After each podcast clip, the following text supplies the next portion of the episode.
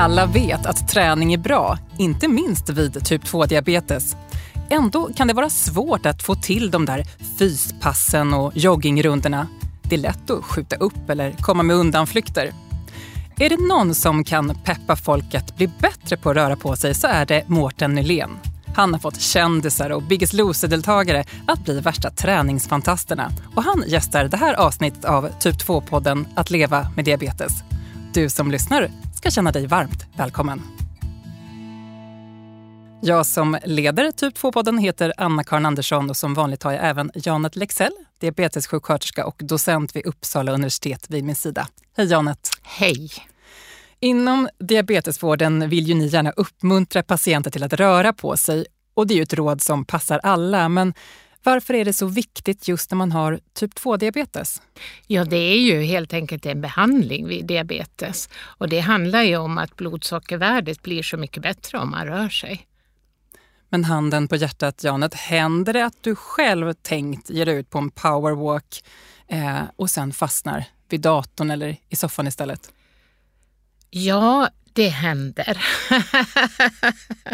Absolut. Det är lätt hänt. Mm. Men kanske kan då både du och jag och våra lyssnare få lite tips som ökar rörelsemotivationen efter det här avsnittet. För nu välkomnar jag även dig, Mårten Delén. Tack snälla! Roligt att vara här. Ja, kul att ha dig här. Eh, du är en av Sveriges kanske mest välrenommerade tränare och hälsoutvecklare. Många känner nog igen dig eh, som en av huvudtränarna i tv-programmet Biggest Loser och du dessutom coachat eh, ja, vad är det? nästan tio världsmästare i kampsport, skidåkning, alla möjliga olika sporter. Ja, det är allt möjligt faktiskt. Men jag jobbar ju med människor och det är det bästa. Så att oavsett vad de har för titlar eller vem de är så är det en människa som stiger in. Ja, och några av dem är kändisar. Det är många i den världen som anlitar dig som, som PT. Eh, vilken av alla dessa kändisar har varit den svåraste utmaningen par oss emellan? jag, jag brukar säga så här, alla ni kunder jag haft egentligen har varit olika utmaningar. Men det handlar om, det är det som är så spännande, det som är så roligt, att man har en unik människa som vill någonting, förbättra någonting och så får man vara med och skapa det. Så att det, jag kan nog inte säga, det, det finns väldigt många, det finns nog för många. Jag har ändå jobbat i 18 år nu. Och det är lite grann det som, som du sa Janet, att jag menar, det är mänskligt att man inte hela tiden liksom gör alla grejer och jag tycker det är bra. För människor som hela tiden försöker skapa den här perfektionen blir ju sällan, det är sällan att man hamnar där. Det är bättre att jobba tror jag med förbättringar. Mm. Och då har ju du något att göra också. Ja, absolut. Ja, de alla gjorde precis som man ska. Eh, vad skulle Mårten Elin göra då? Eh, du har ju engagerat dig i organisationen Beat Diabetes som på olika sätt vill förbättra för människor med diabetes. Och, eh, de arrangerar Diabetesgalan bland annat. På vilket sätt känns det angeläget för dig att vara med och arbeta med frågor om diabetes? För, för det första tycker jag just att diabetes, det är viktigt att vi får ut mer kunskap om just diabetes. Och det är så mycket också, om man pratar om typ 2-diabetes så, så tror jag att vi kan påverka, vi kan motverka väldigt mycket genom våra levnadsvanor. Sen har ju min dotter Julie diabetes typ 1. Men jag har jobbat, jag anser mig själv att jag har jobbat med typ 2-segmentet väldigt, väldigt länge. För när man jobbar med hälsa och jobbar med människor så jobbar man hela tiden med just det här med levnadsvanor och försöker förbättra dem för människor. Att man inte försöker komplicera och, och göra svår, saker svåra. Utan jag tror väldigt mycket enkelhet gör det alltid enklare att lyckas. Så jag brinner ju för det här. När, när jag fick möjligheten att gå in i bitdiabetes så, så kände jag direkt att det här är det jag ska göra. För jag tror att vi kan göra jättestor skillnad om vi jobbar tillsammans. Du ska få ge oss eh, träningstips strax, men först tänkte jag att du skulle få bemöta några vanliga svepskäl till varför träningen uteblir. För om jag inte är så motiverad är det ju lätt att komma med undanflykter. Jag tänkte rada upp några vassa argument och ditt uppdrag Mårten blir då att övertyga mig om att det visst går att träna ändå. Ja, lätt. Vi kör. Med heltidsjobb, en tomt och ett hus att ta hand om och att jag engagerat mig i samfällighetsföreningen, det gör att det inte finns någon tid över till att träna prioriteringsfråga. Nej, men det handlar ju väldigt mycket om det här som att dygnet har 24 timmar. Så man behöver egentligen kanske ibland värdera det man gör lite annorlunda. Och just där, det vi får ut av att faktiskt röra på oss regelbundet, det, det kommer ge så mycket mer än om vi inte gör det. För att om vi inte lägger tiden idag på att röra på oss lite grann så kommer vi troligtvis få lägga väldigt mycket tid på att försöka återskapa hälsan lite längre fram. Så det går att klämma in lite tid även med ett heltidsjobb, tomt, hus, samfällighetsförening? Garanterat. Och, och det, är så här, det, det, är också en viktig grej att säga att man behöver inte göra så mycket. Det är ju det här idag att folk tror att de behöver övergöra saker. Och jag tror det är bättre att jobba med regelbundenhet och lite grann varje dag. För då blir det oftast bättre i längden. Mm, det här argumentet då? Träna är tråkigt. Det har aldrig varit min grej. Eh, och det tror, jag, det tror jag många tycker, men däremot finns det tusentals sätt att röra på sig. Och jag kan nog garantera att det i alla fall finns någonting som alla gillar. Och det är just bara som att man behöver ibland bara bredda vin lite grann för att se vad tycker jag om att göra? Vad tycker jag är roligt? Vad tycker jag är intressant? Eller kanske vad tycker jag är mindre tråkigt? Men det är värt det. Det är sån hets med träning. Någon måste vara motvikt till allt det här. Och det är jag det. Jaså, ja. Och det är lite grann idag. Jag tycker faktiskt det att det har blivit lite två läger, precis som du säger. Att det har blivit ganska extremt på det ena hållet och då såklart så behöver det finnas en motvikt och då är det ju de som inte tycker om det här extrema. Jag tycker inte om något av det utan jag skulle hellre stanna någonstans där i mitten och försöka titta på mig själv istället. För startar man med sig själv så blir det alltid, blir det alltid bäst. Så det här, jag tror att försöka liksom förstå att vi mår alla bra av att röra på oss. Och gör, gör det inte extremt, inte åt något av hållen. Men det här argumentet då? Jag har många överviktskilon och problem med knäna och smärta i ryggen. Att röra på sig är tyvärr inte möjligt för mig. Då har man bestämt att det är så och det är ju inte så. Så där behöver man ju tänka lite bredare igen. Och det är ju det här, om man kan släppa av lite av de här kilorna kanske så kommer kroppen antagligen bli mindre ansträngd. Man kommer orka mer och kommer troligtvis känna att det känns mycket bättre. Så det är ju en väldigt stor anledning tycker jag till att varför man faktiskt bör ta tag i det och göra någonting. Och det spelar ingen roll egentligen hur vi ser ut, vem vi är, utan vi mår alla bra av att röra på oss. Men vi behöver anpassa vår rörelse. Så det är också en sån grej, om jag vill ha bättre kondition till exempel och jag känner att jag har onda knän, då kanske inte jag bör springa. Men då kanske vi tittar på istället, hur kan jag då förbättra min kondition på andra sätt? Jag behöver jobba med hjärtat, jag behöver höja pulsen och det kan man ju också göra på fler sätt. Så att, så att just det här som att försöka sätta fokus på det vi kan göra och det som faktiskt tar oss i rätt riktning, det, det är en bra grej. Och välj inte att ha ont, välj inte att, att må dåligt ifall vi inte behöver det det, det, det, blir en bra motivator tror jag till att faktiskt ta tag i det. Och när man börjar känna att saker blir lättare, att man mår bättre, då kommer man definitivt att känna att det var värt det. Mm. Och det finns små träningsformer att göra även för den som inte är eh, i, i, bra fysisk form så att säga. Även ja. för den som har lite handikapp eller har besvär? Tro mig, jag har jobbat med alla möjliga människor. Jag har jobbat med människor som varit väldigt, väldigt tunga. Jag har jobbat med människor med funktionsvariabler som kanske haft svårt att röra sig på vissa sätt. Jag har jobbat med människor som, som eh, känt att träning, jag kommer aldrig träna hela mitt liv. Och jag har fått alla att börja röra på sig. Och jag tror att man behöver titta på det här. Vad, vad är mitt varför? Var kommer viljan ifrån? Vi behöver ju ändå starta med oss själva. Att inte liksom jämföra oss hela tiden med alla andra och försöka tro att vi ska göra allt hela tiden. Utan börja med sig själv, där man står just nu. För vi är olika, vi har olika förutsättningar och olika mål. Men det finns en grej som, som alltid stämmer och det är att vi är alltid värda att må bra. Och då behöver vi också behandla oss därefter.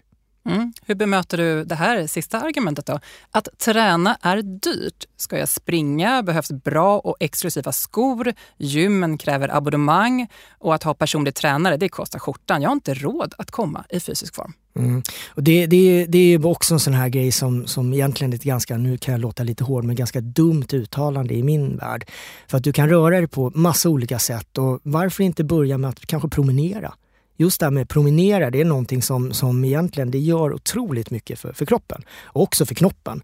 Men samma sak, du kan göra, jag gjorde nu bara för en månad sedan 300 olika övningar med kroppsvikt bara för att bevisa att det gick. Och det är, ju, det är lite så här liksom att det finns så många saker som, som vi kan göra.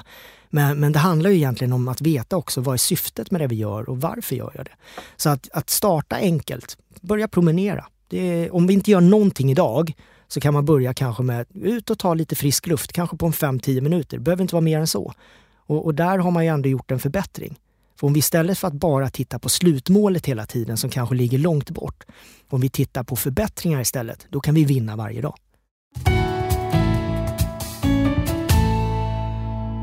Janet, eh, du som träffar många personer som har typ 2-diabetes. Vad kan vara anledningen till att eh, de inte får lika mycket träning eh, som det var tänkt? Vilken är din bild? Ja, alltså det handlar ju i mångt och mycket skulle jag säga, att man sätter upp hinder för sig själv. För det går ju alltid att, eh, i alla fall i de allra flesta fall, så går det ju att använda sina ben när man ska till exempel gå och handla istället för att ta bilen och handla. Eh, det går att göra det. Så att jag, jag tänker så, att man sätter upp hinder för sig själv. Absolut är det så. Mm. Vi har pratat om att all typ av rörelse eller all typ av förbättring är bra. Men eh, träning är ju ett vitt begrepp. Eh, utifrån din eh, diabeteskompetens, Janet, vad är viktigast att uppnå om man ser till just sjukdomen diabetes? Ska man till exempel satsa på något specifikt som muskelbyggande eller liksom bättra på flåset i första hand? Nej, alltså det viktigaste är ju att börja promenera. Har man inte gjort någonting så var det så bra det som nämndes nyss, att börja promenera. Absolut. Runt huset fem minuter, det är jättebra. Mm. Eh, Mårten Nylén, du brukar föra fram mottot våga, vilja, förändra. Eh, och du har mycket eh, fokus på hur det mentala ska kopplas samman också med träningen. Eh, de här orden, nu fokuserar lite på dem. Eh, vad ligger i, i ordet våga för dig? Jag brukar säga att just att våga försöka är alltid starten till att lyckas. Så att det här med det som det, vi går genom livet och många saker, inte förrän det är för sent eller förrän vi känner att det är för sent så börjar vi fundera över, jag borde kanske ha testat eller jag borde gjort det där, jag borde försökt. Så just det här att faktiskt våga och vara lite mer modig ibland, jag tror det är bra i livet.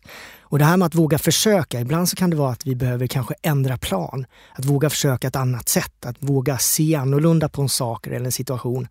Så att jag, jag tycker det är ett bra ord. Att, eh, just det här med att våga försöka alltid starten till att lyckas. Mm. Och, och, då kan det ju innebära vad som helst, vad vi än vill lyckas med.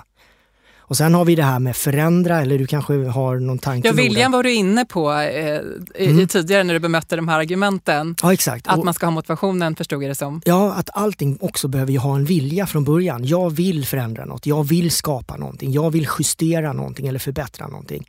Om vi inte vill så är det väldigt svårt tror jag att motivera sig själv till att faktiskt liksom fortsätta jobba eller fortsätta försöka eller kämpa när det blir jobbigt. Så just det här med att fråga sig själv, vad vill just jag? Vad vill jag? Vad, vad mår jag bra av? Jag tror att det här med vilja är också ett bra ord. Mm. Speciellt när man tänker långsiktigt. Och så kommer vi in på att förändra. Mm. Det, då ska vi göra det. Ja, det svåra. Och förändring är ett ord tror jag som många människor är väldigt rädda för. När någonting ska bli annorlunda. Men förändring är det som skapar förändring. Förändring är det som skapar förbättring. Så att vi behöver ibland våga ändra på någonting. Vill vi att någonting ska bli annorlunda så behöver vi lämna någonting som jag brukar kalla för landet samma samma. Som är den här trygghetszonen där vi gör saker på samma sätt som vi alltid gjort dem. Men vi får ju också resultatet vi alltid fått. Så att när vi vågar göra någonting annorlunda eller när vi vågar justera eller kanske bara byta väg, då kommer vi troligtvis hitta nya sätt. Och alla de nya sätten och vägarna hittar vi när vi byter från vägen vi alltid går. Så mm. jag, just det här ordet förändring, jag tror inte man ska vara så rädd för det utan jag tror att det är ett ord som behövs. Och det kommer dyka upp oavsett om vi vill det eller inte. Mm. Många som fått till eh, den där förändringen pratar ju om eh, ofta träningen eller förändringen generellt i positiva termer att det har fått dem att må bra och sådär. Eh, och, och, att de vill och känner då att den här förändringen behövs, att den blivit den här naturliga delen. Men hur lång tid tar det att skapa e-, en god vana? Ja, det diskuteras så mycket med det där. Jag, jag tror att det, det, är väldigt mycket från person till person och just att skapa en bra vana. Jag, jag, brukar prata om att skapa livsstil. För livsstil är inget vi får eller antar utan livsstil är någonting vi kan skapa, vi kan påverka. Så att, så att just det här är som att vi behöver ju också plocka med oss de sakerna som får oss att må bra. För vi är olika, vi vill nog leva på olika sätt också. Och det är ju också det här, man behöver jobba med värde där. Att vad, vad är värt för mig? Vad vill jag ha med mig i mitt liv? Men också vad behöver jag också göra för att mitt liv ska bli som, så bra som möjligt, som jag vill. Så att det är just då, och det är ju så här, vissa grejer kan vi inte påverka. Det är ju så liksom att eh, det finns säkert massor av saker som kan dyka upp i våra liv, som dyker upp i våra liv, som vi inte vill ha där. Men återigen, att fastna där och bara titta på det och stirra sig blind på det, det gör ju att vi lägger all vår tid på fel ställe. Så där kan det vara bra istället att försöka lägga mer tid på att skapa livsstil. Att försöka se till att vi behöver, de sakerna vi behöver göra för att vi ska kunna må bra, det är kanske där vi ska lägga lite mer fokus ibland. Mm. Det var ingen tidsangivelse sagt men jag förstår det som att det inte är någon quick fix att bara byta en vana? Nej, att byta vana. Jag, jag, tror så här, börja gör det och sen så se till att du liksom lägger in det i livsstilen. Nu tappar jag tråden, men därför.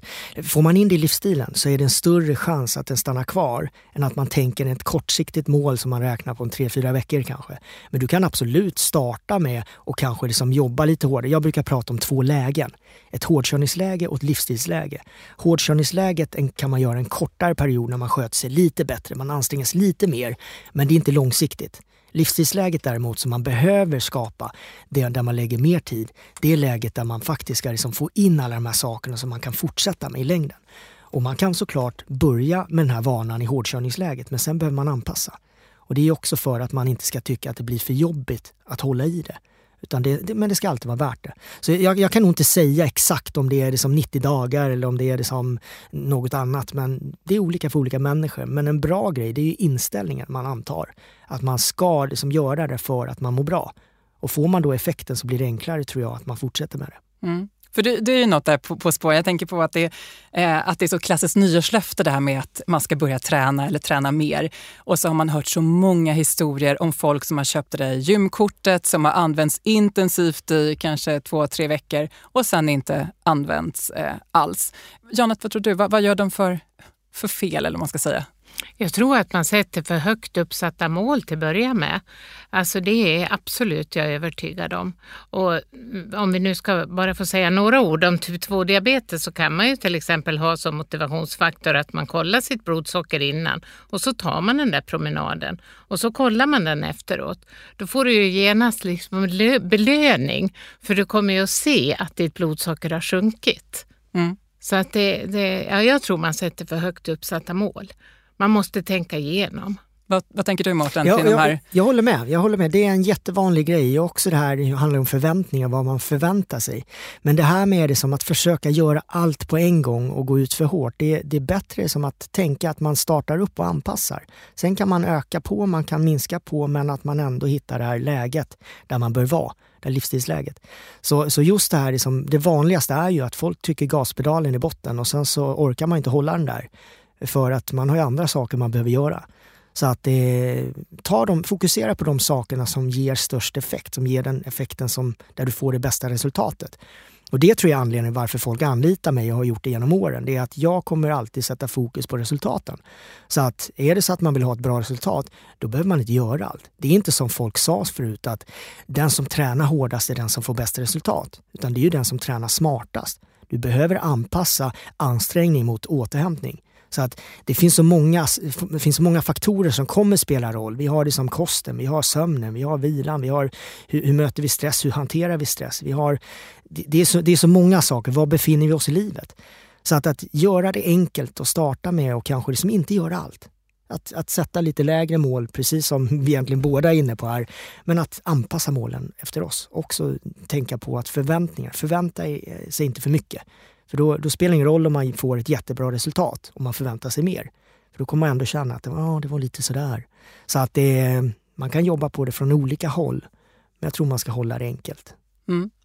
När du eh, coachar klienter, eh, Mårten, så, så gör du en kartig grundläggning då av eh, var och ens individuella förutsättningar och utgångsläge för att sen sätta upp mål och delmål. Varför funkar inte alla tips för alla? Nej, för att vi är olika. Jag gör ju alltid en analys och det är lite grann också för att se, jag fastställer utgångsläget. Vad har vi att jobba med? Liksom, vad startar vi från? Vad startar vi med? Och det är ju lite grann där att eh, alla kunder genom åren jag har jobbat med, de är olika. Så att det är därför man gör den här analysen, att man behöver som ibland lära känna sig själv lite bättre och förstå sig själv lite bättre för att vi är olika.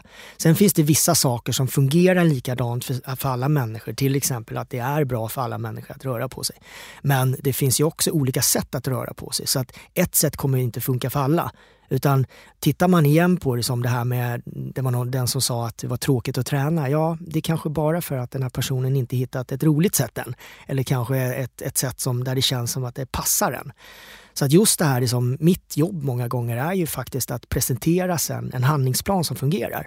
Och det kan ju då innefatta liksom val av träningsformer. Vi kan byta ut ordet träning också kanske mot motion ibland. Bara den grejen kan göra att det blir lite snällare träning ibland kan klassas som att det känns väldigt hårt. Medan pratar man mer om motion eller vardagsrörelse så kanske det blir mycket snällare. Mm. Du nickar Janet? Ja, tycker, absolut. Ja. ja. det var väldigt bra uttryckt. Mm. Det tycker jag verkligen.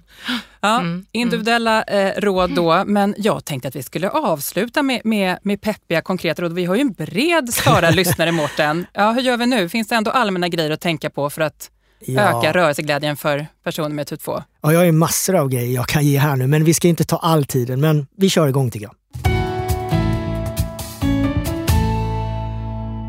Yes, låt oss höra tipsen. Okej, okay, vi tar första tipset och det har vi egentligen pratat om innan. Det är att alltid utgå från sig själv.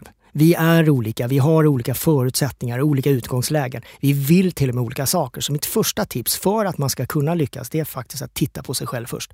Starta där du står just nu. För du kommer säkert också ha annorlunda utgångsläge idag mot vad du hade för 5-10 år sedan. Så att mitt första tips är egentligen att starta med dig själv. Mitt andra tips det är egentligen någonting jag kallar för balansbordet. Det är, det är ett verktyg jag använder både till mig själv men också till alla mina kunder jag möter och jobbar med, till och med med företagen jag jobbar med idag. Jag ska beskriva det lite kort. Om vi tänker oss ett runt bord med fyra ben och vi ställer bordet framför oss så bordet står stabilt på golvet, så står ju bordet. Om jag bryter av eller tar bort ett ben så kommer bordet antagligen stå kvar om jag inte trycker väldigt hårt där benet av. Men tar jag bort två ben så välter antagligen bordet. Jag anser att det är precis samma sak med oss människor.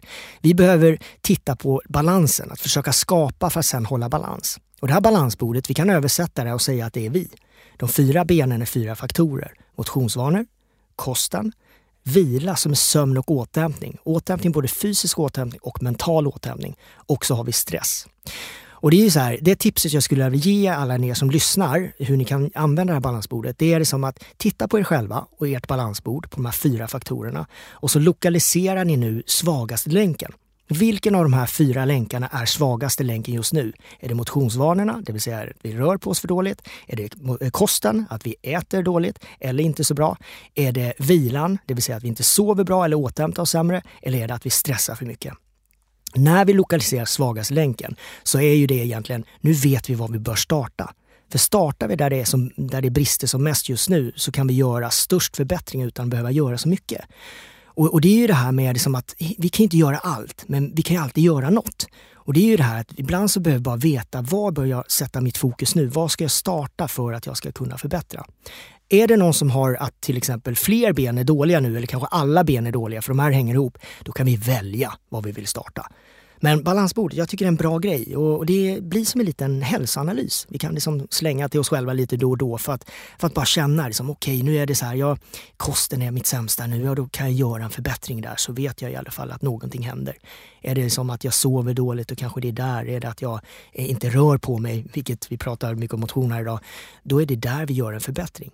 Och när vi gör en förbättring så handlar det inte om att göra allt, utan gör något litet. Och balansera upp ena benet så följer det andra med så att säga. Exakt. Ja, mm. och då faller inte bordet. Det är ju det som är Och livet är en berg och dalbana så att livet kommer att komma. Det kommer gå upp och ner. Vi kommer möta bättre stunder, sämre stunder, bättre dagar, sämre dagar.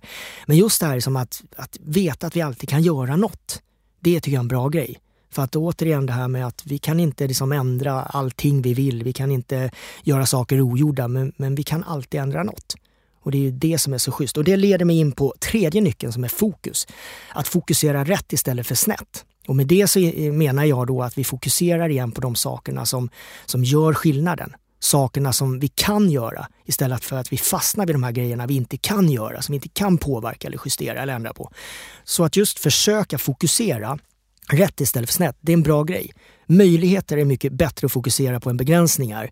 Speciellt när man liksom ska sätta igång när man gör analysen såklart, då behöver vi kanske titta på allt möjligt. Men, men när vi väl har bestämt oss, vi har tagit fram vårt, vårt jag vill, vårt tänk om, eh, tänk om jag kunde förändra, tänk om jag kunde skapa. När vi väl ska ta det här steget från landet samma samma, trygghetszonen och, och faktiskt börja göra, då är det en bra grej att försöka fokusera mer på möjligheterna, på sakerna som, som tar oss i rätt riktning och det vi kan göra istället för att det där kan jag inte göra för att, som den här Eh, uttalandet var någon som inte tyckte att träning var så roligt eller att någon som sa att de var för tung eller stor. Så att man kan inte träna. Men det är där man kan då flytta fokuset istället. Och sen har vi fjärde tipset som egentligen, det här, det här är ett lite luddigt tips men jag gillar det här och det är egentligen att värdera och hantera sin tid lite bättre ibland. Och återigen, dygnet har 24 timmar. Och jag anser att många människor eh, värderar inte sin tid så bra så att det blir det som att vi lägger tiden på allt möjligt men, men kanske inte alltid på oss själva. Och det är inte egoistiskt att ta lite tid till sig själv varje dag, för jag tror att vi behöver det. Och med att vi liksom faktiskt sköter om vår hälsa och ger oss själva lite tid så kommer vi må bättre och det kommer öka vår kapacitet, vår förmåga, vårt fundament, vårt hälsofundament. För att mår vi inte bra så kommer ju kroppen fungera sämre. Det tror jag att Janet kommer att hålla med mig om också. Här. Men, men just att vi, vi, vi, behöver, vi ska ju fungera bra genom livet, så bra vi kan i alla fall. Och då behöver vi ibland göra saker som, som hjälper oss att må bra. Så att just det här sista grejen, att ta vara på tiden, att äga sin tid lite grann. Att inte liksom bara liksom låta livet passera och så blir det som det blir, utan att faktiskt våga ta vara på tiden ibland. Och, mm. och inte göra det när man liksom, eh, när, ja, när, när, det börjar, när tiden börjar ta slut, utan att faktiskt tänka på världens bästa dag är ju idag. Idag kan vi skapa skillnad. Inte igår och inte imorgon, utan idag. Nu, ja. Janet, vilket eh, av alla tipsen tar du till dig av? Ja, jag skulle hellre vilja ge någon slags helhetsbedömning. Oj, nu, alltså, nej, nej, men jag tänker så här att jag gillar verkligen eh, ditt sätt att eh, formulera dig och att du sätter människan i fokus och att du har den här empatiska ådran men också att du har en struktur för huret. Hur får man till det då i vardagen med sin eh, träning? Tack snälla, och det betyder jättemycket att du säger det. Och, och råd då som förhoppningsvis just personer som lever med typ 2 kan ha nytta av? Absolut, absolut. Jätteviktigt alltså. Verkligen jätteviktigt. Mårten Nylén, träningscoach och ledamot i organisationen Beat Diabetes. Stort tack för din medverkan här i Typ 2-podden. Tack snälla för att jag fick komma och jag hoppas verkligen att folk nu går in och hakar på oss på beatdiabetes.se för att vi gör ju massor av roliga grejer. Och tack också till vår diabetesexpert Janet Excel. Tack själv. Tack själv. Själv heter jag Anna-Karin Andersson och Typ 2-podden Att leva med diabetes görs av det forskande läkemedelsföretaget Böringer Ingelheim. Hej för nu och på återhörande.